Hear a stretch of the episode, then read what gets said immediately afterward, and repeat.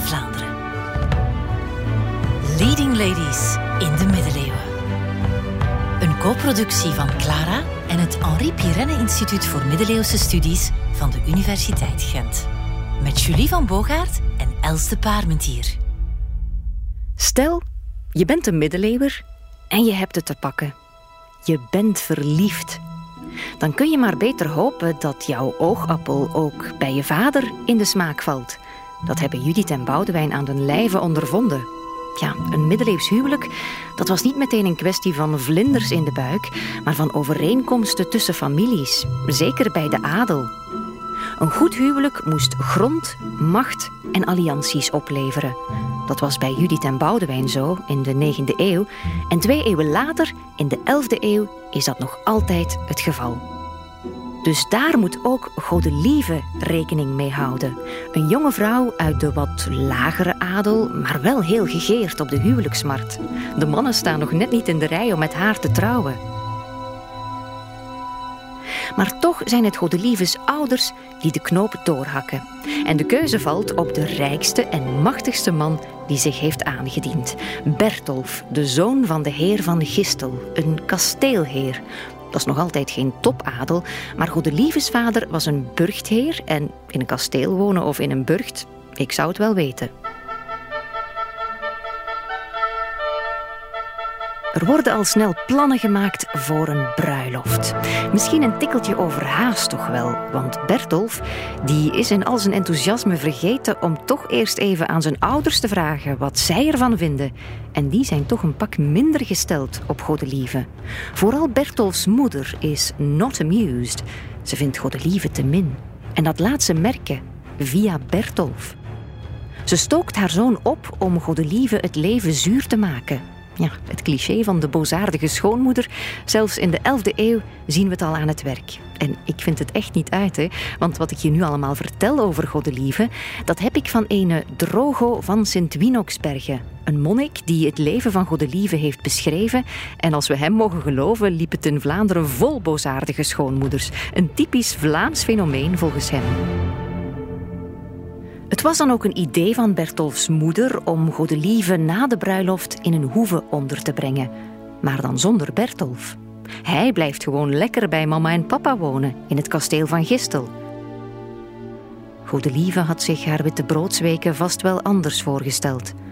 Maar dat is nog het minste, want daar in die hoeve wordt Godelieve door het dienstpersoneel mishandeld ze krijgt nauwelijks te eten en vernederingen en scheldpartijen zijn dagelijkse kost.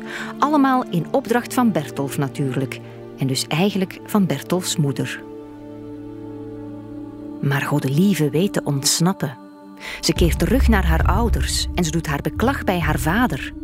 Geschokt stapt hij naar de graaf van Vlaanderen, maar de graaf vindt het een zaak voor de kerk, voor de bisschop. En die kiest voor het christelijke pad van verzoening. Bertolf wordt terechtgewezen, maar Godelieve moet terugkeren naar de hoeve. Godelieve ziet de bui al hangen natuurlijk. Bertolf is op de vingers getikt, publiek vernederd en dat zal hij haar betaald zetten. Maar tot haar verbazing lijkt Bertolf zijn leven te beteren. Op een avond komt hij haar bezoeken. Poeslief. Hij heeft spijt en hij doet een voorstel: relatietherapie. Hij kent een wijze vrouw, de middeleeuwse Rika Ponet, zeg maar, en zij zal met het koppel komen praten. Nu ja, ze zal met Godelieve komen praten, want het is natuurlijk allemaal haar schuld. Maar goed, je kan je voorstellen dat Godelieve alles een kans wil geven. Bertolf neemt afscheid. Hij moet nog dringend naar Brugge, zegt hij. En Godelieve gaat slapen. Toch wel met een gevoel van hoop en verwachting. Maar in het holst van de nacht schrikt Godelieve wakker. Er staan twee dienaren aan haar bed. Ze moet nu meteen opstaan, want de wijze vrouw, de relatietherapeute, is gearriveerd aan de poort van de hoeve. Godelieve wil zich eerst nog even omkleden, maar daar is geen tijd voor. Ze volgt dan maar in haar nachtkleed de twee dienaren door het bedauwde gras. Maar Godelieve is in de val gelokt. De twee mannen slaan een strop rond haar nek en wurgen haar. En alsof ze extra grondig te werk willen gaan, duwen ze haar hoofd ook nog in een waterput. De huurmoordenaars brengen het lichaam van Godelieve terug naar haar slaapkamer en ze leggen haar in bed, alsof ze in haar slaap is gestorven. Het lichaam van Godelieve wordt s'morgens gevonden door haar huispersoneel. Ze zien geen directe sporen van geweld. De kamer ligt er netjes bij. Er is nergens bloed te zien, geen verwondingen op haar lichaam, behalve enkele rode vlekken op haar hals. Wurgsporen.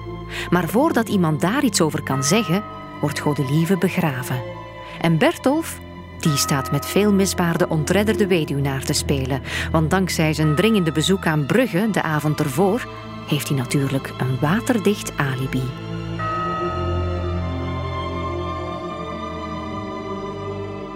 En dat had het einde kunnen zijn. Het einde van het verhaal van Godelieve van Gistel. Een verhaal over huiselijk geweld dat net zo goed vergeten had kunnen worden. De meeste inwoners van Gistel hadden hun blik afgewend van de vreedheden op de hoeve. Maar wie de rode wurgsporen op Godelieves nek had gezien, die kon ze niet zomaar vergeten. Al heel kort na haar dood wordt het graf van Godelieve druk bezocht en ook de waterput waarin ze was verdronken. Mensen willen haar eren als een soort martelares. Er beginnen zich zelfs mirakels voor te doen bij die waterput. Kreupelen kunnen na een bezoek plots weer lopen. Ook de bisschop krijgt er lucht van. Dezelfde man die Godelieve terug in de armen van Bertolf had gedreven. En die bisschop die vindt dat Godelieve heilig moet worden verklaard. Dan moet er wel eerst nog een vita worden geschreven. Een soort biografie die natuurlijk de goede eigenschappen van de overledene extra in de verf moet zetten. En dat is een taak voor Drogo van Sint-Winoksbergen. Je kent hem nog wel, de monnik die bemoeizieke schoonmoeders typisch Vlaams noemde. Het was dan ook zijn versie van het verhaal die ik je heb verteld. Want ja, heilige levens, zo gaat dat, die worden doorheen de eeuwen nog verder aangedikt met nog meer mirakels, met sequels en prequels, wat alleen maar toont hoe sterk de verering van zo'n heilige leefde en nog altijd leeft. Op de plek waar Godelieve is gestorven, is er een vrouwenabdij gesticht, nu bekend als de abdij ten Putte, genoemd naar de waterput waarin Godelieve werd verdronken. En vandaag is Godelieve van Gistel nog altijd een van de populairste heiligen in ons land. In Gistel gaat er jaarlijks een processie voor haar uit en je kan de heilige Godelieve aanroepen in geval van aandoeningen aan de keel of echtelijke ruzies en ook bij problemen met boosaardige schoonmoeders. Zo'n vita, zo'n heilige leven, dat is niet meteen de beste bron om veel te weten te komen over een specifiek persoon. Godelieve van Gistel heeft echt bestaan, maar ze wordt nogal voorspelbaar beschreven, zoals je kan verwachten in een heilige leven, als een godsvruchtig en door en door goed mens. Maar waar zulke heilige levens ons veel meer over vertellen, dat is de tijdsgeest, wat er leefde in de samenleving. Godelieve was een nieuw soort heilige. De typische heiligen, dat waren martelaars, mensen die voor hun geloof waren gestorven, slachtoffers van vervolging, geen slachtoffers van huiselijk geweld. Maar de kerk had zo haar redenen om een vrouw als Godelieve heilig te verklaren. Het was een manier om de mensen iets te vertellen over het huwelijk. Het huwelijk was helemaal geen familieaangelegenheid, maar een kwestie van God. Heiligen zoals Godelieve die maakten deel uit van een geduldige campagne van de kerk om het huwelijk naar zich toe te trekken. En dat was al een tijdje aan de gang. Kijk maar naar Judith en Boudewijn. Wie heeft er het laatste woord gekregen over hun huwelijk? De paus. Wat God verenigd heeft, zal niemand scheiden, vond hij. Maar die nieuwe kijk op het huwelijk, die is niet uit de lucht komen vallen. Die maakte deel uit van veel grotere veranderingen binnen de kerk dat stichtende verhaal met die sterke morele boodschap, hè, waarin zo zwaar de nadruk gelegd wordt op de vrouw als een passieve partner binnen het huwelijk, die vooral kwaliteiten moet nastreven van vroomheid, nederigheid en gehoorzaamheid aan haar echtgenoot. Je kan daarin tekenen zien van de kerk die zich meer en meer gaat mengen met het eh, leven binnen het huwelijk. Dus met het leven, met andere woorden, van uh, de gewone christenen. En die toenemende greep van de kerk op het huwelijk uh, kunnen we ook begrijpen binnen de context van de kerkhervorming. Kort gezegd, de kerk was de bemoeienissen van buitenaf grondig beu. Je had soms edelieden die tegelijk ook abt wilden zijn en die ook bisschoppen wilden benoemen. Maar ook binnen de kerk was er wel wat werk aan de winkel. Priesters die het celibaat niet naleefden, kloosterlingen die een luxe leventje leidden en kerkelijke ambten die voor grof geld te koop waren. Vanaf de late 10e eeuw zien we dat de kerk probeert om opnieuw controle te krijgen over de situatie en dus moeite begint te doen om terug orde op zaken te stellen. En, en dat initiatief leidt eigenlijk een, een soort grondige reflectie in die tot de 12e eeuw zal aanhouden en die is gekend als de, de kerkhervorming, de grote kerkhervorming. Grote schoonmaak binnen de kerk, gedaan met lustige nonnetjes en vatsige paters. En de adel die moest zich met haar eigen zaken bemoeien. Maar ook het kerkelijk recht werd bijgesteld. En dat had gevolgen voor iedereen. Dat kerkelijk recht had uh, uh, vooral een impact op het leven van priesters en monniken. Maar binnen de kerk had men al snel door dat men via die weg ook uh, stilaan controle kon uitoefenen op het leven van gewone mensen. En zo zien we dat dat hele proces eigenlijk deels tot gevolg heeft dat de kerk zich de regelgeving rond het huwelijk ook langzaam maar zeker zal toe-eigenen. Trouwen voor de kerk. Voor velen blijft het toch iets bijzonders. Een mooi ritueel, een eeuwenoude traditie. Maar dat eeuwenoude, dat valt toch tegen. Het was pas tijdens de kerkhervormingen, pas vanaf de 11e eeuw dus, dat de vraag überhaupt op tafel lag om van het huwelijk een sacrament te maken. Door het te verheffen tot sacrament kreeg dat huwelijk voortaan ook het karakter van een spirituele verbintenis. Een spirituele verbintenis niet alleen tussen de man en de vrouw, maar ook tussen God en zijn kerkgemeenschap. En het huwelijk zelf is eigenlijk pas officieel tot, uh, tot sacrament vergeven in de 16e eeuw. Maar wat we dus zien in die context van de kerkhervormingen, is dat dat principe van het huwelijk als sacrament al zeer sterk wordt gepromoot, zeer sterk wordt uh, naar voren geschoven. En die mate zelfs dat men het ja, in de perceptie al snel ging beschouwen als iets, iets sacraals, iets heiligs. Hè. Met andere woorden, men, men hing al zeer snel de gedachte aan van wat God verenigd heeft, zou men niet scheiden. De kerk had heel uitgesproken ideeën, niet alleen over het huwelijk, maar ook over vrouwen. Het beeld dat ze van vrouwen hadden, dat vind ik toch behoorlijk verknipt. In de loop van de 11e eeuw was het beeld dat men over vrouwen had vrij dubbelzinnig, ambigu.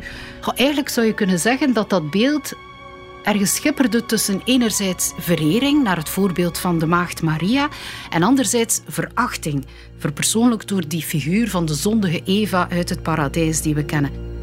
Maar die negatieve kijk op vrouwen, dat was geen christelijke uitvinding. Die vind je ook al bij de Griekse filosofen terug. Als we kijken naar waar men de inspiratie haalde voor die ondergeschikte positie van de vrouw, dan zien we dat daar heel vaak gesteund wordt op de teksten van de Griekse filosoof Aristoteles. En voor Aristoteles was het zonneklaar. Vrouwen waren eigenlijk mislukte mannen die door de speling van de natuur niet volgroeid waren en wiens geslachtsorganen dus nog een naar binnen gekeerde, je moet daaronder begrijpen, een nog niet uitgezakte penis met testikels vormden. Tja, mislukte mannen dus. Hè. En dat bewees volgens Aristoteles ook waarom vrouwen van bij het begin niet in staat waren om rationeel te denken en ook op moreel vlak bespoturig en onbetrouwbaar waren. Een verleidelijke zondares, Eva, tegenover een vrome moederfiguur, Maria. Twee tegenpolen, maar tussenin is er nog plaats voor andere soorten vrouwen, netjes ingedeeld in categorieën ja, Els, je hebt een prent meegebracht die eigenlijk het, de manier van denken over vrouwen heel mooi illustreert. En het is een soort van indeling van vrouwen volgens hun deugdelijkheid, een, letterlijk een soort van hokjesdenken. Ja, de prent die je ziet, die komt uit een uh, manuscript die de tekst bevat van de zogenaamde Maagdenspiegel. En wat was dat, die Maagdenspiegel? Dat was een soort handboek voor vrouwelijke kloosterlingen dat tegelijk ook door de priesters werd gebruikt om deze vrouwen spiritueel uh, te begeleiden. Nu, die tekst van de Maagdenspiegel werd uh, geschreven in de 12e eeuw, maar de illustratie waar je naar kijkt komt uit een handschrift uit, uit, de 13e eeuw. En ja, dat geeft eigenlijk een mooie hiërarchische onderverdeling van, van vrouwen, zoals ze naar hun deugdelijkheid in een soort van rangorde worden opgesteld. Uh, nu, de boodschap is dat ze uiteindelijk alle delen in de gratie Gods hoor. Uh, maar niettemin wordt uh, op basis van hun deugdelijkheid een soort van ja, hiërarchische onderverdeling gemaakt. We nemen er even die prent bij. Het ziet er een beetje uit als een boom die tot in de hemel reikt. Of eigenlijk, het doet mij denken aan een bonenstaak die met heel veel krulletjes uh, naar boven groeit, zoals in het sprookje van Jaap en de bonenstaak. En die reikt ook helemaal tot in de hemel, want helemaal bovenaan, in de bovenste krul, daar zit God. Ja, God als opperwezen uiteraard. Hè. En de, de groep vrouwen die daaronder is uh, afgebeeld, dat zijn, uh, dat zijn nonnen, dat zijn vrouwelijke kloosterlingen. En waarom worden die zo hoog op de morele ladder afgebeeld? Wel, omdat als maagden en bruiden van God natuurlijk ook de hoogste vorm van deugdelijkheid en kuisheid vertegenwoordigen. Hè. Dan gaan we een verdieping lager. Wie vinden we daar?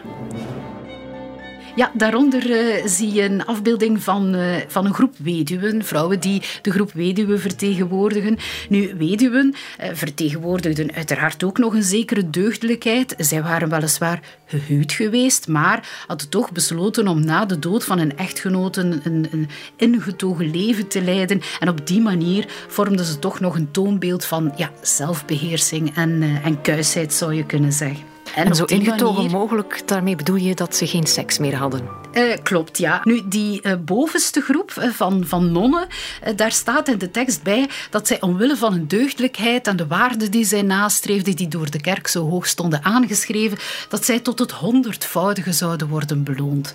Die groep daaronder, waar we het net over hadden, die groep van weduwen, die werden ook gewaardeerd, maar daar stelt de tekst dat ze tot het zestigvoudige zouden worden beloond. Het is met een puntensysteem. Het wordt allemaal netjes becijferd. En dan zakken we nog een beetje dieper bij, ja, toch ehm, denk ik een categorie die dan minder hoog aangeschreven staat. Wel, die derde, iets lagere categorie, die bestond uit de gehuwden. En van gehuwden werd uiteraard verwacht dat ze naast het verwekken van kinderen alsnog een zo kuis mogelijk leven zouden leiden. Ah ja, want ik zie daar dat, dat die vrouwen samen met hun echtgenoot zijn afgebeeld. Klopt. In zo'n krulletje. Ja, nu, seksualiteit was uh, voor de kerk natuurlijk een ja, noodzakelijk kwaad om een nageslacht uh, te kunnen uh, voortbrengen. Maar binnen dat huwelijk werd toch verwacht dat naast het verrichten van die noodzakelijke daad, dat men toch een zo kuis mogelijk leven zou nastreven. Maar dan is er een koppel dat helemaal apart onderaan staat afgebeeld. Wie zijn dat? Helemaal onderaan de hiërarchie zien we naast Adam natuurlijk ook Eva. En Eva vormt eh, niet alleen in dit manuscript, maar ook nog in veel andere eh, afbeeldingen het prototype van de wereldlijke zondares. De, de sluwe verleidster als het ware, die Adam had meegesleurd in de zondeval en die daardoor de mensheid tot sterfelijke wezens had uh, gemaakt. daar staat geen beloning bij, maar we zien wel dat in de categorie daarboven van de gehuwden dat zij tot het dertigvoudige zouden worden beloond. Dat is toch ook nog wat, hè? De zondige Eva bungelde natuurlijk helemaal onderaan in het puntenklassement van de maagdenspiegel. Ze was alles wat de kerk verwerpelijk vond aan vrouwen. Impulsief en irrationeel, maar vooral ook sensueel en verleidelijk. Ja, voor lichamelijkheid was er niet veel plaats binnen de kerk. Maar daarbuiten ontstond er een nieuwe kijk op man-vrouw relaties. Eén waar je wel een mens van vlees en bloed mocht zijn. De hoofdse liefde Die Hoofse romantiek die, uh, speelde zich voornamelijk af in adellijke hofkringen en had zich al snel ontwikkeld tot een eigen volkstalig literair genre. Uh, dat volledig in het teken stond van de aanbidding van het vrouwelijke lichaam en het vrouwelijke schoon in uh, al zijn vormen. En waarbij telkens een passionele drift voor die onbereikbare liefde en het mysterie van de vrouwelijke seksualiteit naar voren kwam. Dus dat waren zo, wat de vaste thema's hè, die je in die poëzie en gedichten, die Hoofse gedichten uit de, de 12e en 13e eeuw terugvindt. En die gedichten die werden ook voorgedragen, geperformed, gezongen door minnezangers, troubadours. Maar sommige edellieden die waren zelf ook auteur van dergelijke liederen. Eh, Jan I bijvoorbeeld, de hertog van Brabant, die stond bekend als de zingende hertog. Ik zag nooit zo rode mond, nog zulke lieve ogen als zij heeft die mij heeft verwond in het diepste van mijn hart. Toch leef ik welgemoed en hoop ik daarvoor loon te krijgen. Als zij mij lijden laat, kan zij het ook verhelpen. Beminde, de liefde voor u heeft mij zo hartelijk bevangen dat ik met overtuiging uw onderdaan moet zijn. Het gaat mij goed als ik bij mijn mooie vrouwen mag zijn en ik dan naar haar stralende gezicht mag kijken. God spare haar voor verdriet.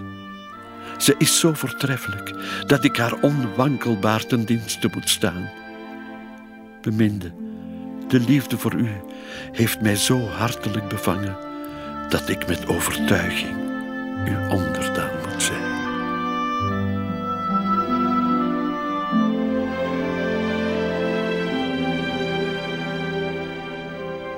Het klinkt heel romantisch allemaal, al dat smachten en hunkeren. Maar het zijn maar liedjes en verhalen. Het is een beetje alsof we vandaag naar popsongs zouden luisteren of naar romantische comedies zouden kijken om te achterhalen hoe het er nu echt aan toe gaat in relaties. Wat was er van aan in de praktijk van die hoofdse liefde? Ja, die sublieme hoofdse liefde, dat smachtende, dat zoveel energie van je vraagt. Ja, dat gooi je in realiteit natuurlijk onmogelijk vol. Hè. Dus je moet het in de eerste plaats zien als een kunstig en, uh, en literair thema dat werd uitgewerkt in, in poëzie of, uh, of ridderromans, uh, waarbij telkens die liefdesdienst als een soort van aanleiding vormt, als een drijfveer voor de geweldige avonturen van het hoofdpersonage. Een, een ridder komt een mysterieuze vrouw tegen en wil haar liefde uh, winnen. Hij krijgt daarvoor een schijnbaar onmogelijke opdracht en voilà, de reis is, uh, is ingezet. Maar je kan je uiteraard afvragen hoe echt dat allemaal was. Hè. Nu, er zijn veel aanwijzingen hoor, dat men aan de, de vorstelijke hoven er wel degelijk naar streefde. Dus naar een verfijnde omgang tussen adellijke uh, mannen en vrouwen. Maar dat was natuurlijk in de eerste plaats omdat men zich via die weg kon onderscheiden van andere sociale lagen uh, in de bevolking. Dus dat is iets wat enkel onder de ja, aristocratie, onder de hoge adel uh, circuleerde, die manier van, van omgaan. Het blijft toch nog altijd abstract, die hoofdse liefde. Al die fantasievolle verhalen en hooggestemde idealen, wat moet je daarmee? Gelukkig was er in de 12e eeuw ook al iemand die wat meer praktisch was ingesteld. En dat was Andreas Capellanus. Hij schreef een soort zelfhulpboek, De Amore, over de liefde, boordevol tips en tricks uit de praktijk. Andreas Capellanus, zijn naam zegt het zelf, was een uh, schrijver, een kapelaan aan het hof van gravin Maria van Champagne. En ja, hoe moet je je dat voorstellen? Die gravin die zou ja, een soort van patrones zijn geweest. Hè? De voorzitter van een club van vrouwen die op regelmatige basis samenkwam om dan samen te genieten van die opvoeringen van die hoofdse literatuur en, uh, en kunsten. En waarbij zij zelf ook werden onderricht in een verfijnde omgang met hun mannelijke adellijke collega's. Je zou dus denken dat De Amore voor een vrouwelijk publiek is bedoeld. Maar dan is het wel gek dat de tekst is opgebouwd als een gesprek tussen twee mannen. Een jonge kerel die nog veel te leren heeft en een al meer ervaren man die hem wel eens zal vertellen hoe het moet die tips, en ja, hieruit blijkt ook het uitgesproken mannelijk perspectief, die zijn niet altijd vrouwvriendelijk. Ook al hebben we het over hoofdse liefde. Een aantal clichés over vrouwen komt stevast uh, naar boven, zoals hun natuurlijke aanleg om wispelturig en onbetrouwbaar te zijn. Maar het valt wel op dat hoe negatiever die beeldvorming over vrouwen is, hoe vaker het gaat uh, niet over de adellijke toplaag, de aristocratie, maar over andere vrouwen uit andere lagen van de bevolking. U moet als edelman zo'n boerenmeisje niet te veel flatteren door haar veel complimenten te geven. En wanneer u een gepaste gelegenheid ziet, houdt u dan niet in. Ga voor uw pleziertje en leg uw arm om haar heen. Wees maar kordaat. U mag best wel wat dwang gebruiken, zodat ze hun verlegenheid overwinnen. Tja, dat is duidelijk. En het gaat soms zelfs zo ver dat je kan afvragen of Capellanus wel serieus was bij het schrijven van die voorbeelden. Of hij ja, heimelijk niet ook een soort van ironie, zoals spot of kritiek, waarom niet op het uh, hoofdse ideaal van de adel heeft uh, ja, tussengeweven in zijn teksten. Als er zo negatief over vrouwen werd gedacht, ja, dan denk je toch, cliché bevestigd, vrouwen werden in de middeleeuwen minderwaardig gevonden en ze hadden dus helemaal niks in de pap te brokken. Maar dat is toch niet helemaal waar. Zeker niet als je naar onze vorstinnen kijkt. Het is natuurlijk een feit dat ook in die toplaag vrouwen minder kansen kregen dan mannen. Simpelweg omdat de erfopvolging normaal gezien in mannelijke lijn gebeurde. De eerstgeboren zoon was de opvolger. Maar ja, soms kon dat gewoon niet. Wanneer het gebeurde dat er geen zonen aanwezig waren, omdat er eenvoudigweg geen zonen geboren werden, dan gebeurde het dat het aanvaard werd dat vrouwen hun vader konden opvolgen eh, als volwaardige erfprinses, gravin over een bepaald domein. Maar er was nog een manier waarop vrouwen aan politiek eh, konden deelnemen. Wanneer vrouwen waren gehuwd met de graaf van Vlaanderen in, uh, in ons verhaal, en wanneer die graaf voor een langere periode uithuizig was, ook daar gebeurde het dat vrouwen als een tijdelijk plaatsvervanger van hun echtgenoot het bestuur over het graafschap overnamen. En zo gebeurt het rond het jaar 1100 dat een aantal gravinnen van Vlaanderen een flink duwtje in de rug krijgen van, ja, noem het het lot, toeval, historische omstandigheden en zo komen ze pal in het centrum van de politieke macht te staan. Een gouden kans voor vrouwen met ambitie in een tijd die voor de rest toch vooral voor veel bloedvergieten heeft gezorgd. De tijd van de kruistochten. En daarmee bevinden we ons in de late 11e eeuw, want in die periode doet de paus op vraag van de Byzantijnse keizer een oproep om een leger te verzamelen en om massaal naar het oosten te trekken om daar Jeruzalem, het heilige land, te bevrijden uit handen van de islam overheersing. En die oproep van de paus die krijgt gevolg, want de vorsten verzamelen in Europa, vorsten uit Frankrijk, het Heilige Roomse Rijk en, en uh, Normandië onder meer, die verzamelen een, een leger van vazallen die hen moesten vergezellen om dus naar het oosten uh, te trekken. En uh, al van bij de eerste kruistocht sloten de graven van Vlaanderen zich aan bij die kruisvaarderslegers. Een van de aanvoerders van die legers kennen we vandaag nog altijd heel goed bij naam: de legendarische Godfried van Bouillon. En Godfried van Bouillon kon al meteen rekenen op de steun van de graaf van Vlaanderen. En op dat ogenblik was dat Robrecht. Robrecht II, die later ook de bijnaam zou krijgen Robrecht van Jeruzalem, net omwille van zijn deelname aan die kruistocht.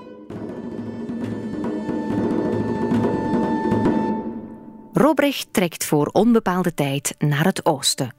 Maar ondertussen moet iemand het bestuur over het graafschap Vlaanderen wel overnemen. Wel, die belangrijke taak vertrouwt Robrecht toe aan zijn echtgenote, Clementia van Bourgondië. En dan wil je nu natuurlijk graag weten wat voor iemand ze was, die Clementia van Bourgondië. Ik zou het je graag vertellen, maar dan zal Els mij op de vinger stikken, want historische figuren proberen te doorgronden. We doen het zo graag, maar we moeten ermee oppassen. Zeker bij iemand uit de middeleeuwen, iemand die, zoals Clementia, al meer dan 900 jaar dood is. Als we moeten afgaan op wat er over haar geschreven werd, dan krijgen we een wel heel gekleurd beeld, al naar gelang iemand voor of tegen haar was. Ja, en de diepste zielenroerselen van Clementia zelf, die zullen we nooit kennen. Want pakweg een dagboek bijhouden, dat deden ze in de middeleeuwen niet. Daar was perkament veel te kostbaar voor. En toch, na alles wat Els me al over Clementia heeft verteld, heb ik in mijn hoofd een vrij scherp beeld van haar, of het nu klopt of niet. De eerste indruk die je van Clementia krijgt, is dat het toch wel een bijzonder godvruchtige vrouw moet zijn geweest. Kloosters en abdijen hebben altijd bakken geld van haar gekregen. Ze was een grote fan van de kerkhervormingen en ze was beste maatjes met de paus. Ongetwijfeld was Clementia ook heel gelovig, zoals de meeste middeleeuwers, maar als er mij één ding over haar duidelijk is geworden, dan is het wel dat er achter alles wat ze deed een strategie zat. Wanneer je de oorkonde van eh, Clementia, of degene waarin ze ter sprake komt, eh, eens eh, van naderbij bekijkt, en het gaat toch om een, eh, veertigtal documenten die bewaard zijn, wat vrij veel is voor die vroege 12e eeuw.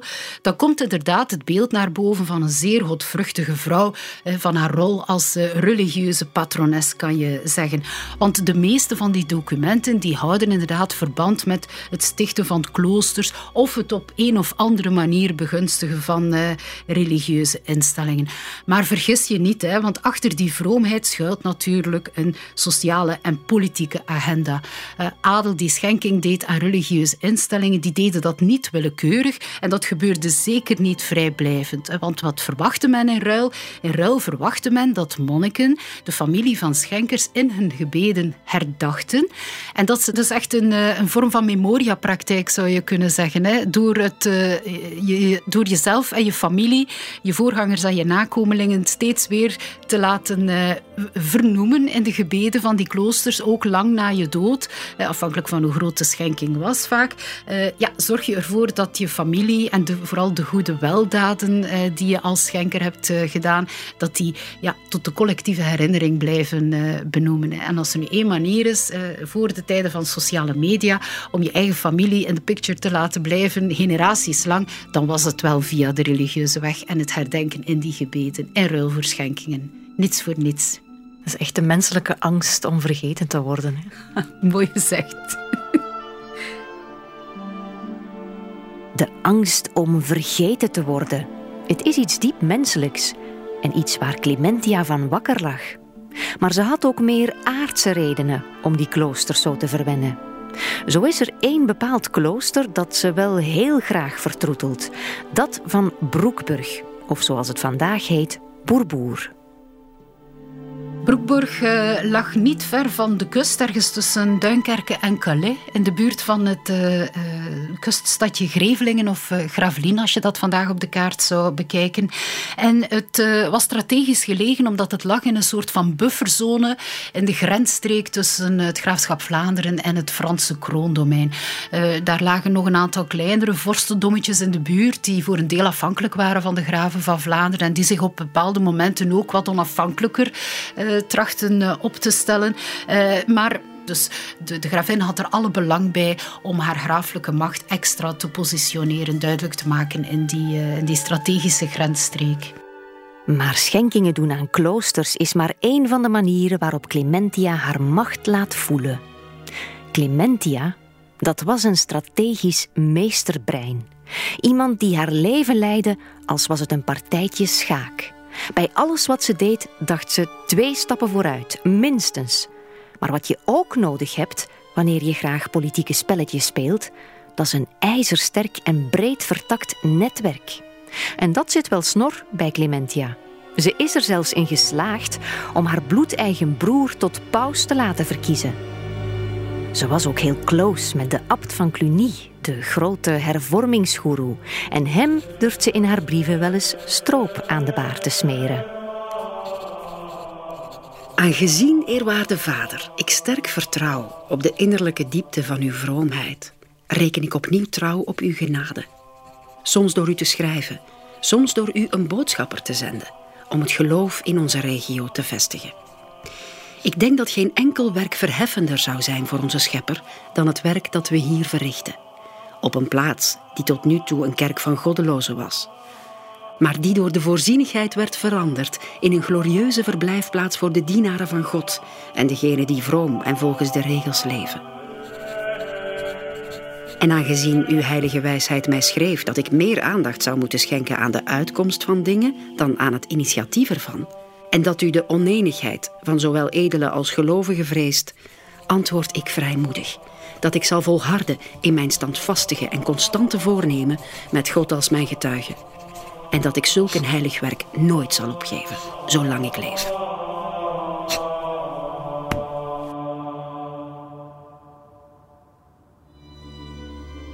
Clementia liet zich gelden Niet alleen binnen haar kerkelijke netwerken, maar ook in heel tastbare verwezenlijkingen. Ze liet kanalen graven om de handel te stimuleren. Ze versloeg een rebellenopstand in Brugge. Ze liet haar eigen munt slaan en ze had haar eigen zegel.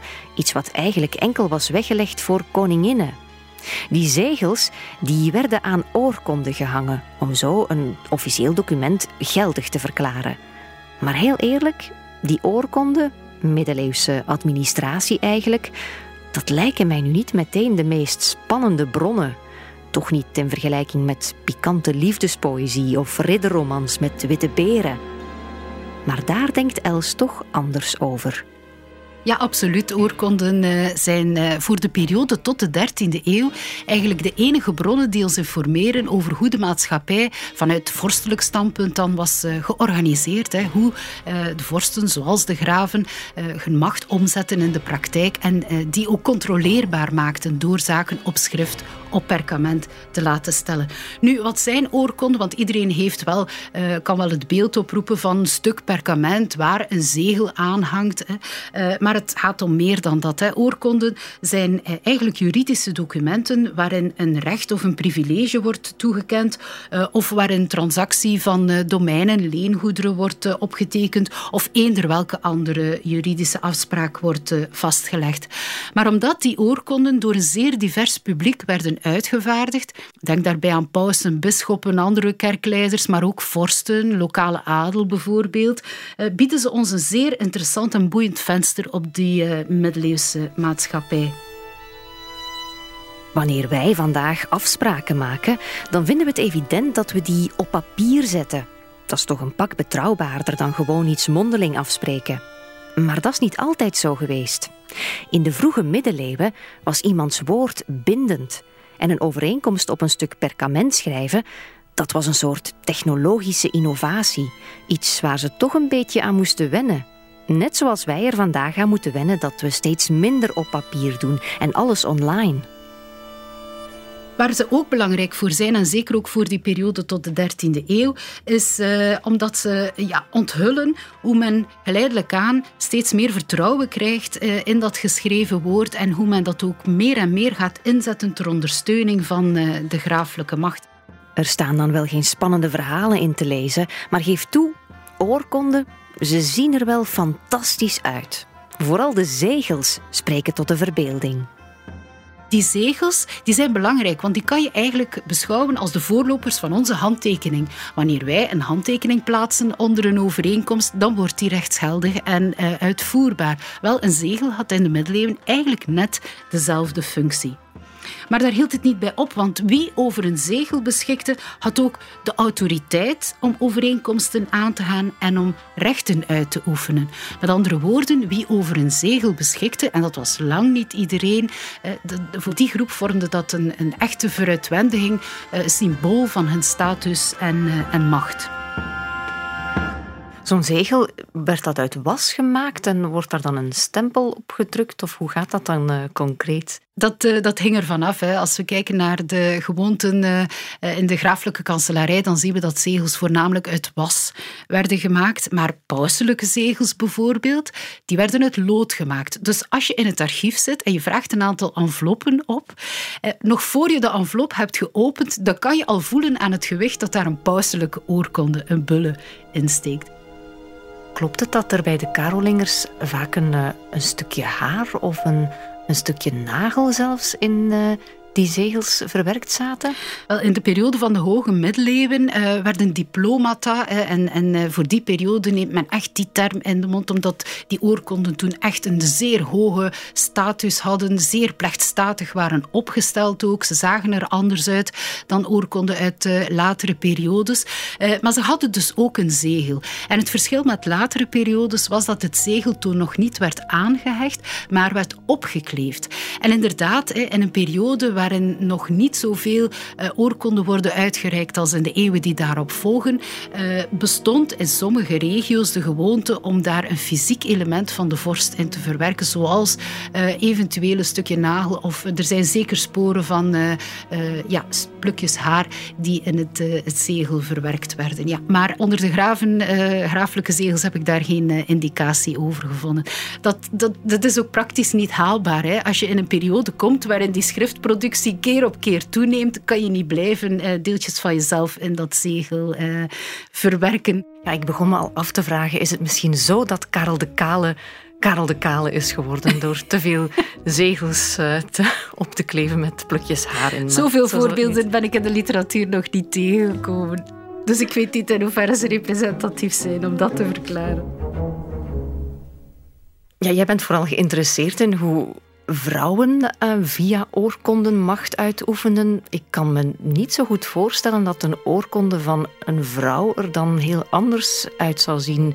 Uh, we gaan toch niet denken in stereotypen als zouden vrouwen met uh, krulletjes en hartjes schrijven of met roze inkt. Absoluut niet. Hè. Wanneer je oorkonden van graven of gravinnen met elkaar vergelijkt, eh, dan zien ze er eh, op dezelfde manier uit. Hè. Vaak zijn ze ook door dezelfde scribenten eh, geschreven natuurlijk. Hè. Eh, maar als je ze in serie bekijkt, dan komen er wel onthullingen aan het licht. Hè, die wijzen op beperkingen waarmee die vrouwen bij het uitoefenen van een macht eh, geconfronteerd werden.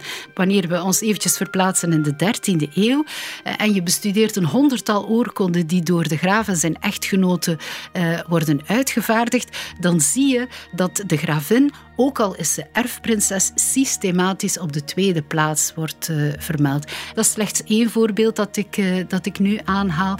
Uh, maar het zegt veel over de, de, de perceptie van die publieke macht door de onderdanen. Zou Clementia daar ook last van hebben gehad? Van dat wantrouwen tegenover haar oorkonde? Zouden haar onderdanen misschien toch ook net iets liever een oorkonde van haar man hebben gekregen, van Robrecht? Maar ja, die was op kruistocht. Ik denk dat Clementia zich eigenlijk wel in haar element voelde toen, dat ze een kick kreeg van het politieke spel. Misschien had ze wel een beetje spijt dat ze de macht weer moest overdragen toen de graaf terugkeerde naar Vlaanderen. In het jaar 1100 was dat, vier jaar nadat hij was vertrokken. Clementia bleef hoe dan ook zoveel mogelijk doorgaan zoals ze bezig was. Ze bleef nauw betrokken bij het beleid, haar uitgebreide netwerk bleef ze goed onderhouden en ze zorgde ervoor dat ze daar in het klooster in Broekburg niks tekort kwamen. En maar goed ook dat Clementia achter de schermen verder werkte, want al gauw zou ze opnieuw op het toneel moeten verschijnen. Bij zijn terugkeer uit Jeruzalem komt Robrecht al meteen in een politieke houtgreep terecht. Geen eenmalig probleem, want de opvolgers van Robrecht, de latere graven en gravinnen van Vlaanderen, die zouden keer op keer in dezelfde situatie verzeild raken. Het loont dus wel de moeite om eens te gaan uitspitten hoe het zover is kunnen komen. En daarvoor moeten we even terugkeren naar de tijd van Judith van West-Francië bij de Karolingers. Dat gigantische rijk van Judiths overgrootvader, Karel de Grote, dat viel uit elkaar in drie delen. De erfenis van de drie kleinzonen van Karel de Grote: Oost, West en Midden-Frankië. Maar al van bij het begin is er constant heibel over wie waar recht op heeft. En van al dat gehakketak is vooral het Middenrijk de pineut, want het wordt al snel opgeslokt door zijn oostelijke en westelijke buur. En het wordt er niet beter op, want wanneer de drie kibbelende broers zelf kinderen krijgen, moeten die ook allemaal een stukje van de koek krijgen. En zo zien we doorheen de tijd dat enorme Frankische rijk verbrokkelen als een oude Franse kaas. Het wordt een rommeltje van steeds kleinere gebiedjes waar op den duur een kat haar jongen niet meer in terugvindt. Er moest dus een systeem komen om dat kluwen van hertogdommen en graafschappen nog verder te kunnen besturen. Stel je bent koning of keizer van een enorm uitgestrekt rijk en je kan niet overal tegelijk op dezelfde plaats zijn om te controleren of de wetgeving wordt nagevolgd en om het bestuur in de dagelijkse praktijk waar te maken. Dus wat doe je? Je deelt het rijk op in gebieden die je in leen heeft aan iemand die in jouw plaats dat gebied kan eh, besturen. Dus in principe krijgen we een leenheer die het rijk opdeelt in gebieden. Houwen was dat in onze gewesten. En aan het hoofd van elke houw werd een houwgraaf eh, geplaatst. En die houwgraaf eh, kreeg het vruchtgebruik over dat gebied dat hij van die vorst in leen had gekregen en werd eigenlijk verondersteld om als plaatsvervanger dat gebied in naam van zijn leenheer te besturen. Nu, dat was geen vrijblijvende afspraak natuurlijk. Zowel de leenheer als de vazal verwachten van beide kanten garanties. En die garanties, dat kreeg de vorm van een persoonlijk contract dat werd gesloten tussen de leenheer en zijn leenman of vazal. En waarbij eigenlijk tijdens een eh, ceremonie via vaste rituelen elkaars wederzijdse plichten en rechten werden eh, erkend. En dat uh, kreeg een echt fysiek aspect ook. De leenman legde bijvoorbeeld zijn handen in de handen van de leenheer en via een plechtige formule beloofde hij zijn gehoorzaamheid en trouw aan zijn leenheer. En uiteindelijk werd de ceremonie bezegeld tijdens een uh, bepaalde periode met een kus. Nu, die leenman zelf, die beloofde aan zijn leenheer gehoorzaamheid en trouw en ook om hem bij te staan met raad en daad. En die daad, dat mag je vrij letterlijk nemen hoor. Het betekende dat wanneer de leenman behoefte had aan een militaire troep om bijvoorbeeld op kruistocht te vertrekken, dan kon hij beroep doen op zijn vazallen. Die moesten klaar zijn en paraat staan met een paard om hun leenheer te vergezellen, bijvoorbeeld naar het oosten op kruistocht. Maar dat systeem van leenheren en vazallen, dat begon na verloop van tijd toch barsten te vertonen.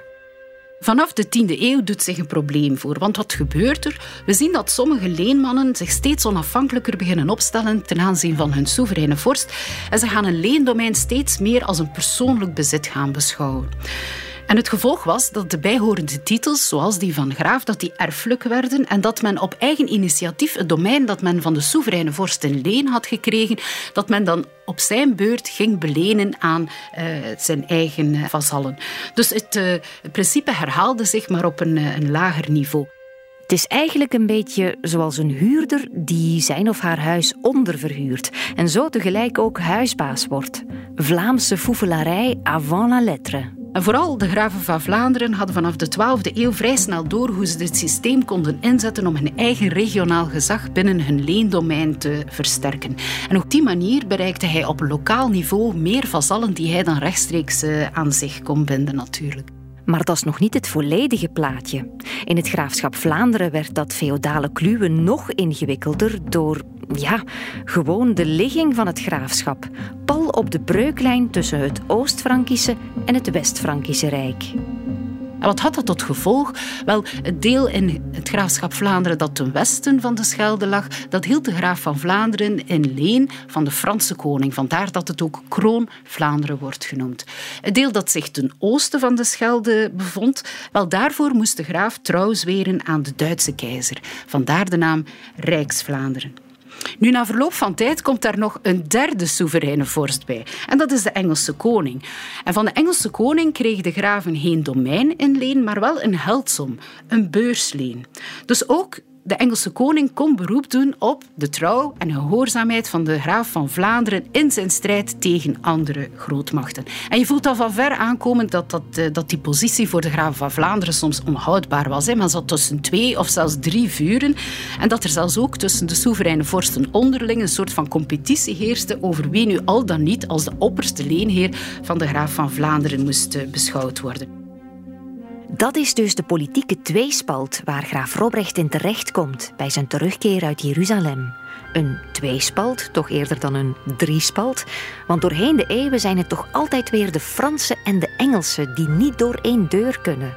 Robrecht probeert ze allebei te vriend te houden, maar uiteindelijk is het toch de Franse koning die hij tot de dood verdedigt. Letterlijk. Robrecht sterft van uitputting nadat hij bovenmenselijke inspanningen had geleverd op het slagveld aan de zijde van de Franse koning.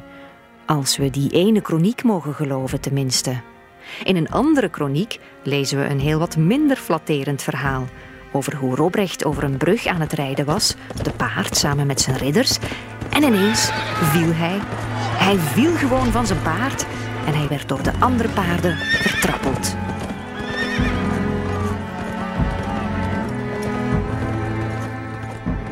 Of hij nu een heroïsche of een vernederende dood is gestorven, of iets daartussenin, na zijn dood moest de graaf van Vlaanderen worden opgevolgd door zijn zoon, Boudewijn de zevende ondertussen. Boudewijn is op dat moment een opgeschoten tiener, ongeveer 18 moet hij zijn geweest.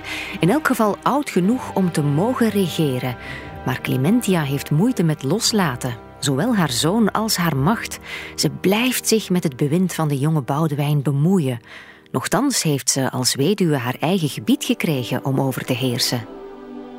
Op het moment dat uh, gravin Clementia weduwe werd, kreeg ze het zelfstandig vruchtgebruik over een uh, weduwgoed. En wat was dat? Dat was een domein met eraan verbonden inkomsten die door de echtgenoot aan haar was toegekend om na zijn dood te kunnen overleven. Nu, dat weduwgoed dat kwam oorspronkelijk in de 12e eeuw tot stand als een soort van compensatie voor adellijke vrouwen, omdat het familiepatrimonium enkel door de oudste zoon kon worden overgeërfd. Dus zeker in het geval er zonen aanwezig waren, bestond er een zeer sterke voorkeur om de erfopvolging te laten gebeuren door de zoon en dan nog bij voorkeur door de oudste zoon. En als een soort van compensatie kregen uh, vrouwen daardoor een uh, leengebied toegewezen waarover zij konden regeren zolang ze verder leefden. Ze hadden dit domein niet in een volle eigendom, want na hun dood keerde het gewoon terug naar de familie van hun echtgenoot. Je begrijpt dat dat systeem voor weduwen natuurlijk veel voordeel en vrijheid bood. Hè. Uh, omdat vrouwen dan tijdens de laatste fase van hun leven eigenlijk onafhankelijk een eigen politieke agenda konden uh, voeren. Maar het vormde vaak ook een bron van conflict. Zeker, zoals in Vlaanderen, wanneer dat gebied tot een derde van het vorstelijk domein kon omvatten. Met andere woorden, zolang de vorige gravin weduwe nog in leven was, had de volgende erfopvolger een grote vermindering van zijn inkomsten, omdat hij maar tijdelijk een kleiner gebied ter beschikking had.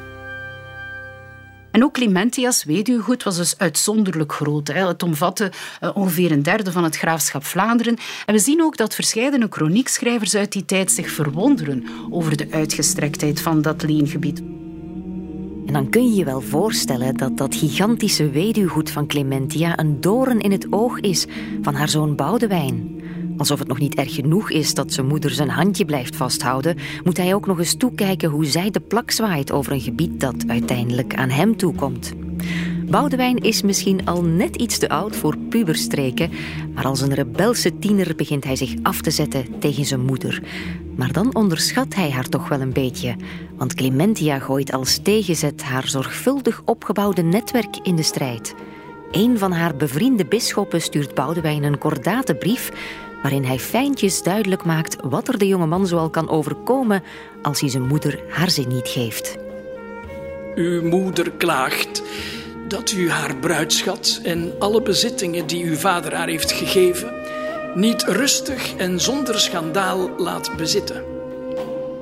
Ik vraag uw excellentie daarom om uw moeder niet tot woede aan te zetten maar het gebod van de Heer na te leven, dat opdraagt uw vader en moeder te eren en mild te zijn, zodat u een lang leven als vorst van dit land beschoren zou zijn. Want als u dat niet wilt doen, zullen wij u op haar verzoek vragen om een dag te bepalen waarop alle hooggeplaatste adel en burggraven van uw land en de kastelen die dat willen, zouden samenkomen om voor haar recht te spreken in uw rechtshof of dat van de Franse koning, wat beslist in haar voordeel zal uitdraaien. Je zou de indruk kunnen krijgen dat Boudewijn zich liet overvleugelen door zijn moeder, dat hij een kneusje was. Maar dat is niet de reputatie die hij in zijn tijd had. Integendeel. Nee, want uh, Boudewijn VII had de bijnaam Boudewijn Hapken, of Boudewijn met de bijl. En hij stond erom bekend dat hij zeer streng optrad tegen misdaden. Buitensporig streng zelfs, als we de chroniekschrijver Herman van Doornik mogen uh, geloven. Want in zijn chroniek, die hij schreef in het uh, midden van de 12e eeuw ongeveer, lezen we dat Boudewijn roofridders, dus ridders die een boekje te buiten gingen hè, en mensen overvielen, dat hij roofridders zeer hard aanpakte met, met lijfstraffen en met gruwelijkheden executies. Zo vertelt de kroniek onder meer dat er eh, op een dag een oud vrouwtje door zo'n roofridder beroofd werd van twee koeien. En dat vrouwtje laat het daar natuurlijk niet bij. Ze gaat naar de graaf, ze doet haar beklag en graaf Boudewijn die grijpt meteen kordaat in. En hij beslist om op de markt van Brugge een grote ketel met water te laten stoken. En op het moment dat het water zijn kookpunt bereikt, wordt de dief erin gestopt en wordt hij levend gekookt. En vanaf dan, zo vermeldt de tekst, durfde niemand in Vlaanderen nog iets te stelen. Of dat verhaal waar is, weten we natuurlijk niet. Hè. Maar feit is wel dat het kort nadien door nog een andere chroniekschrijver is opgepikt en dat het ook in de latere generaties steeds opnieuw werd verteld en telkens wat aangedikt werd met bijkomende details.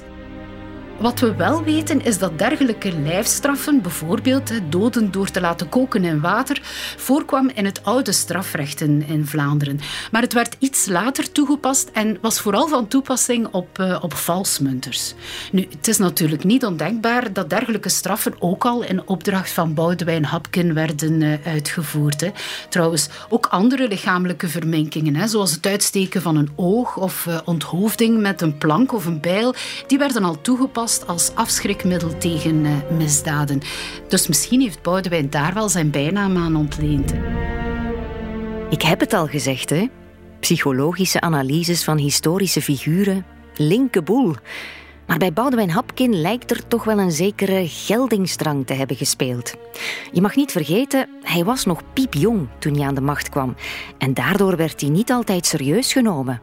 Maar Boudewijn zou zijn critici wel de mond snoeren of eigenlijk hun mond laten openvallen van afgrijzen en angst voor de vreedheden waartoe hij in staat was. Maar nog altijd bereikt hij niet het gewenste effect. Zijn terreurdaden leveren hem niet de reputatie op van een groot leider, zoals hij had gehoopt, maar die van een onbesuisde jongeling. Die reputatie heeft Boudewijn opnieuw te danken aan een verhaal uit diezelfde chroniek van Herman van Doornik, die we daarnet ook al aan het werk hoorden. En de aanleiding voor het verhaal draait eigenlijk rond het hertogdom Normandië. Normandië behoorde tot het Engelse koninkrijk al sinds het midden van de 11e eeuw, wanneer Willem de Veroveraar als hertog van Normandië Engeland verovert en daar koning van, uh, van Engeland wordt. Nu, het plan was, rond 1117 lezen we in de chroniek, dat graaf Boudewijn en de Franse koning het plan hadden opgevat om dat hertogdom Normandië aan te vallen en het eigenlijk terug te proberen geven aan de rechtmatige eigenaar. En dat plan bestond erin dat de graaf van Vlaanderen de Engelse koning zou verrassen in Rouen, waar hij op dat moment verbleef met een vrij groot leger. Boudewijns openingszet is meteen een duidelijk statement. Met veel vertoon plant hij zijn lans in de stadspoort van Rouen. Hier ben ik, kom maar op.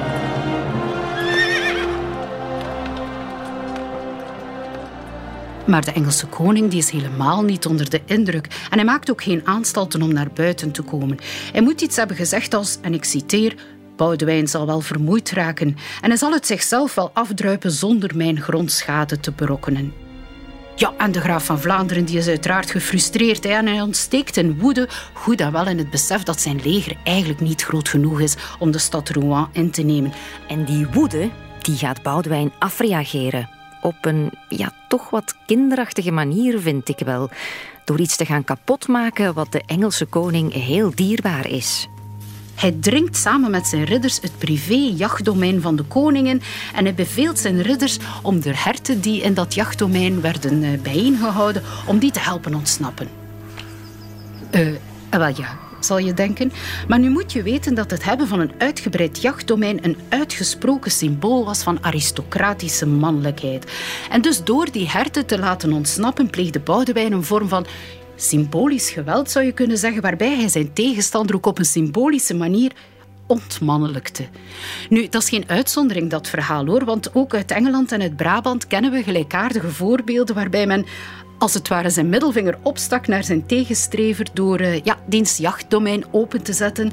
Uh, of nog beter, om er zelf jachtpartijen in te organiseren als een teken van morele overwinning. Nu, al dat, ja, nu zouden we zeggen macho-gedrag, dat haalde uiteindelijk niets uit hoor. Want het jaar nadien barst het conflict opnieuw in alle hevigheid los en het zou uiteindelijk graaf Boudewijn het leven kosten. Want de Engelse chroniekschrijvers vertellen echt in detail hoe Boudewijn door een zwaard diep in het gezicht werd geraakt. Vermoedelijk ergens tussen de ogen en de neus. En dat hij uiteindelijk ook na een paar dagen zou bezwijken aan zijn eh, verwondingen. Maar, en dat zeggen ze ook, niet zonder zich eerst nog eens goed te laten verwennen door maaltijden met veel drank. Ja, er zijn ergere manieren hè, om je laatste uren door te brengen, denk je dan? Even alle gekheid van de Engelse kronieken op een stokje, want die zware verwondingen van Boudewijn VII na zijn nederlaag in Rouen, die confronteerden hem natuurlijk wel heel direct met zijn eigen sterfelijkheid. Als hij het niet zou halen, dan zou hij kinderloos sterven. Hij kon dus maar beter al een opvolger regelen en dat moest Karel de Goede worden. Zijn bijnaam de Goede, die kreeg hij van zijn onderdanen omdat hij tijdens een zware hongersnood zo goed was geweest om de Vlaamse steden te helpen. Karel de Goede was dus graag gezien, behalve door Clementia. Die Karel de Goede was de zoon van de Deense koning, maar die was via moederskant ook de neef van Boudewijn VII.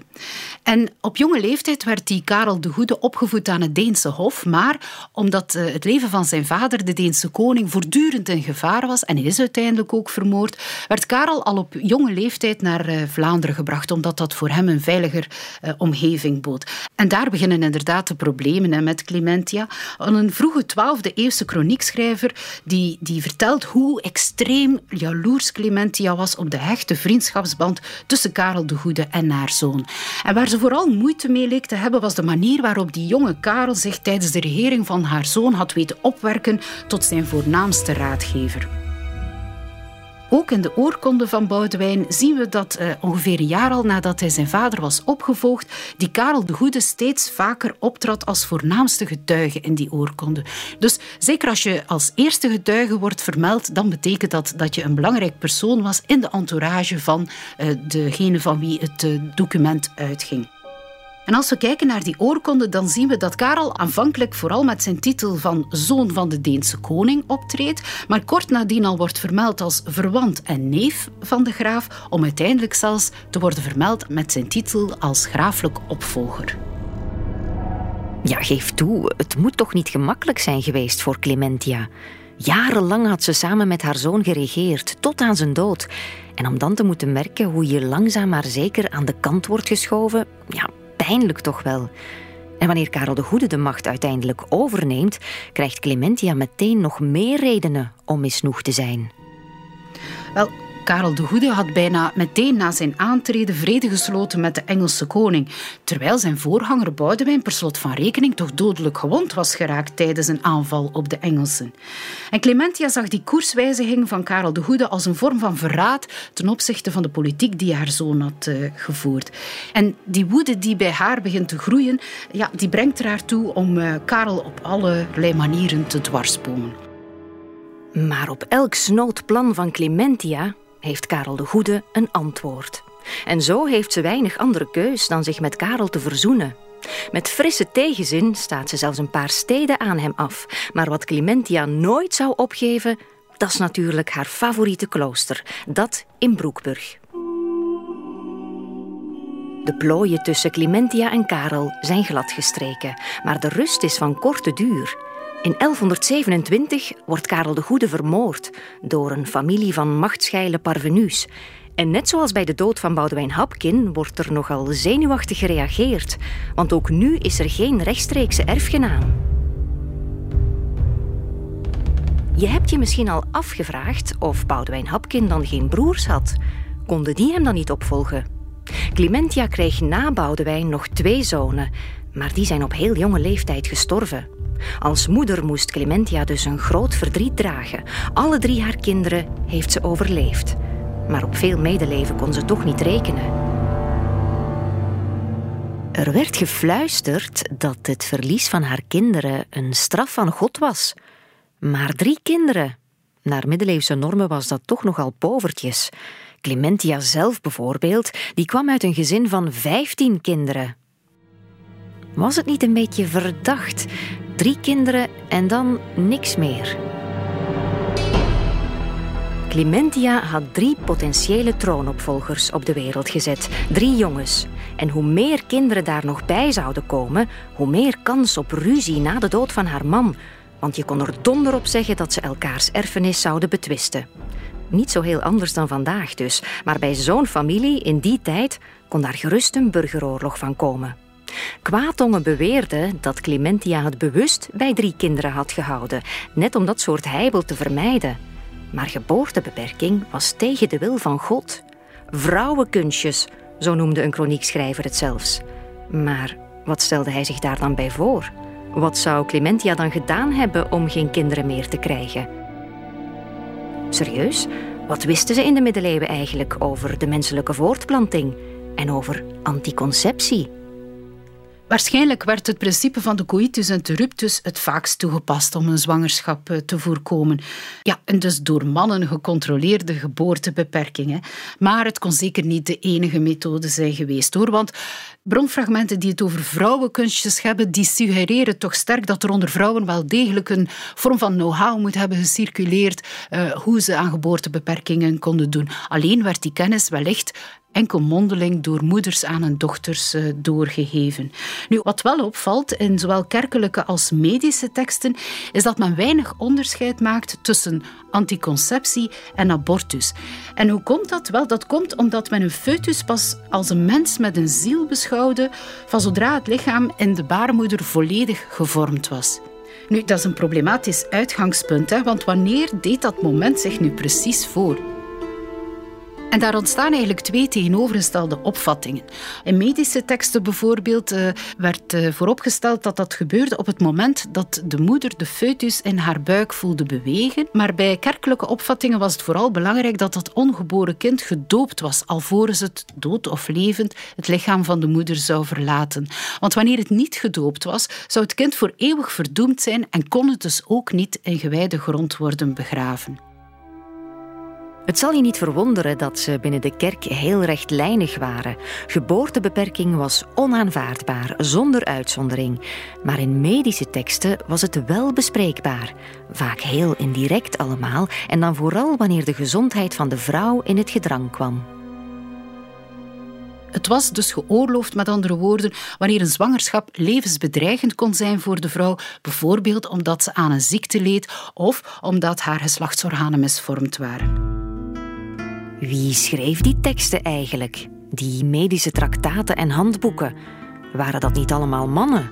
Want ja, de geneeskunde in de middeleeuwen, dat moet toch een compleet mannenbastion zijn geweest? Hm, ja, toch niet altijd en niet overal. We gaan even op studiereis naar Salerno een kuststadje in Zuid-Italië, gelegen in een baai net onder Napels. Wel, die plek was begin 12e eeuw een echt medisch kenniscentrum. En er werkten ook vrouwen. Vrouwelijke artsen en vrouwelijke docenten. En een van de belangrijkste medische referentiewerken uit die tijd over vrouwengeneeskunde is daar geschreven door een vrouw. Trota is haar naam. Trota zelf die was gehuwd, die had zelf kinderen, maar ze merkte op in haar werk dat haar mannelijke collega's eigenlijk heel weinig interesse vertoonden in de anatomie van het vrouwelijk lichaam en alles wat met voortplanting te maken had. En dus besloot ze maar om zelf een handboek te schrijven waarbij ze zich ook deels inspireerde op de ideeën van bekende artsen uit de klassieke oudheid, waaronder als voornaamste Hippocrates en Halenus. Nu, Hippocrates en uh, die zijn zeer invloedrijk uh, gebleven tijdens het verder verloop van de middeleeuwen en zelfs tot de periode van de verlichting, omwille van hun theorie van de humorenleer. En die humorenleer die schreef voor hoe fysieke en emotionele gezondheid van de mens bepaald werden door een samenspel van de natuurelementen, warm en koud, droog en vochtig en het evenwicht tussen de vier lichaamsappen. En die vier lichaamsappen dat waren bloed, slijm, zwarte gal en gele gal. En volgens die humorenleer geloofde men dat mannen van nature standvastiger waren omdat ze warm en droog waren, wat eigenlijk de ideale combinatie eh, betekende. En dat vrouwen door een koude en vochtige toestand veel labieler waren.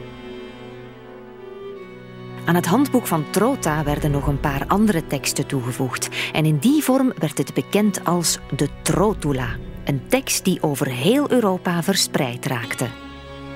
De Trotula was een werk van, uh, ja, waarin in uh, ongeveer 60 hoofdstukjes uh, in detail werd uitgeweid over allerlei vrouwenziektes, menstruatiestoornissen en de verklaringen daarvoor, maar ook over remedies voor een, om een voorspoedige bevalling in te leiden, bijvoorbeeld. Maar over anticonceptie zelf blijft die tekst vrij vaag. Er wordt wel vermeld dat het dragen van een amulet met daarin een gedroogde baarmoeder van geit of testikels van een wezel, dat die kunnen helpen om een zwangerschap te voorkomen. Geleerde teksten werden in de 12e eeuw uiteraard in het Latijn geschreven, maar van de Trotula werden ook vertalingen gemaakt in de verschillende Europese volkstalen, ook in het Nederlands. En dat zegt toch wel iets over hoe breed dat werk gelezen werd. Het was zo succesvol en invloedrijk dat het zelfs eeuwen later nog als inspiratiebron diende, onder meer voor een fascinerend handschrift dat in de Gentse Universiteitsbibliotheek wordt bewaard. Der vrouwen heimeligheid, letterlijk over de geheimen van de vrouw. En wat het allemaal nog intrigerender maakt, dat is de manier waarop die tekst is ontstaan, de reden waarom ze is geschreven. En die vind ik toch wel een tikkeltje bizar. Dat werk zelf leest eigenlijk als een, een lyrisch leerdicht en is geschreven die, door een jonkman die daarmee hoopte om de liefde van zijn beminde te, te winnen. En om die liefde te winnen had die vrouw die jonkman opgedragen om een tekst te schrijven die voor haar zelf ook nuttig zou kunnen zijn. Ja, en hij moet zijn best hebben gedaan om zoveel mogelijk informatie bij elkaar te verzamelen. Want de tekst is eigenlijk opgebouwd als een afwisseling tussen enerzijds hoofdse mijmeringen, waarbij de jonkman echt zijn best doet om de liefde van zijn vrouw eh, via een hoofdsdiscours te winnen. En anderzijds zien we ook heel veel informatie over menstruatie, eh, vaginale afscheiding en verklaringen daarvoor. Maar ook krijgen we veel anatomische details over zwangerschap en de compositie van de baarmoeder. Dus het is uh, heel interessant om te zien hoe men dacht dat een baarmoeder van een vrouw bestond uit zeven kamers. En dat de positie van de foetus, van de baby, in een van de zeven kamers van die baarmoeder kon bepalen wat het geslacht en het karakter van het kind zou worden. Maar Dergelijke informatie wordt net zo goed afgewisseld met tips om snel zwanger te geraken of allerlei middeltjes voor de persoonlijke hygiëne van vrouwen. Noem het op, je vindt het erin terug, maar geen expliciete uitweidingen over contraceptie. Zou Clementia de tips van Trota ter harte hebben genomen? Zou ze met een amulet met wezeltestikels hebben rondgelopen om geen kinderen meer te krijgen? Wat er ook van aan is van de vrouwelijke trucjes waarvan ze werd verdacht. We zitten in 1127 dus opnieuw zonder graaf van Vlaanderen, want Karel de Goede is vermoord. Het getouwtrek kan opnieuw beginnen. Want zoals altijd is het een moeilijke opgave om een opvolger te vinden waar zowel de Franse leenheer als de Engelse handelspartners mee kunnen leven. En uiteindelijk is het de Franse koning die de beslissing neemt. Hij stelt zijn achterneef Willem Clito aan als nieuwe graaf van Vlaanderen. Maar Willem Clito is één grote teleurstelling. De Vlaamse steden komen tegen hem in opstand en ze schuiven hun eigen kandidaat naar voren. Diederik van de Elzas, een neef van de betreurde Karel de Goede. Er wordt naar de wapens gegrepen. Willem Clito schiet er het leven bij in en zo wordt Diederik van de Elzas, amper een jaar na het aantreden van Willem Clito, de nieuwe graaf van Vlaanderen. En dat is opnieuw een streep door de rekening van Clementia. Haar hele leven heeft ze gewijd aan het uitbouwen van netwerken met al wie haar ooit nog van pas kon komen. En toch is ze er weer niet in geslaagd om haar pion neer te zetten op het speelbord van het graafschap Vlaanderen. Maar Clementia legt zich erbij neer. Zou ze op haar vijftigste ondertussen moe gestreden zijn? Of houdt ze zich bewust gedijst, zodat ze in alle rust haar weduwgoed kan beheren en natuurlijk haar lievelingsabdij kan soigneren? Op het einde van haar leven neemt ze er zelf haar intrek om te genieten van een rustige oude dag in het teken van God en gebed. En ze werd er ook begraven. Bijna dertig jaar lang heeft Clementia geregeerd over het graafschap Vlaanderen, als plaatsvervanger van haar man of in tandem met haar zoon. En ook tijdens haar weduwschap liet ze zich nog gelden. Maar het roer overnemen van je man, wanneer die op kruistocht is, dat is maar één van de manieren waarop vrouwen hebben bijgedragen aan die heilige oorlogen.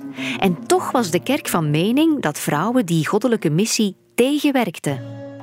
Ja, binnen de kerk had men vooral schrik dat vrouwen die thuis bleven hun mannen tussen de lakens zouden verleiden en overtuigen om bij hen te blijven en dus om niet in te gaan op de oproep van de paus en vorsten.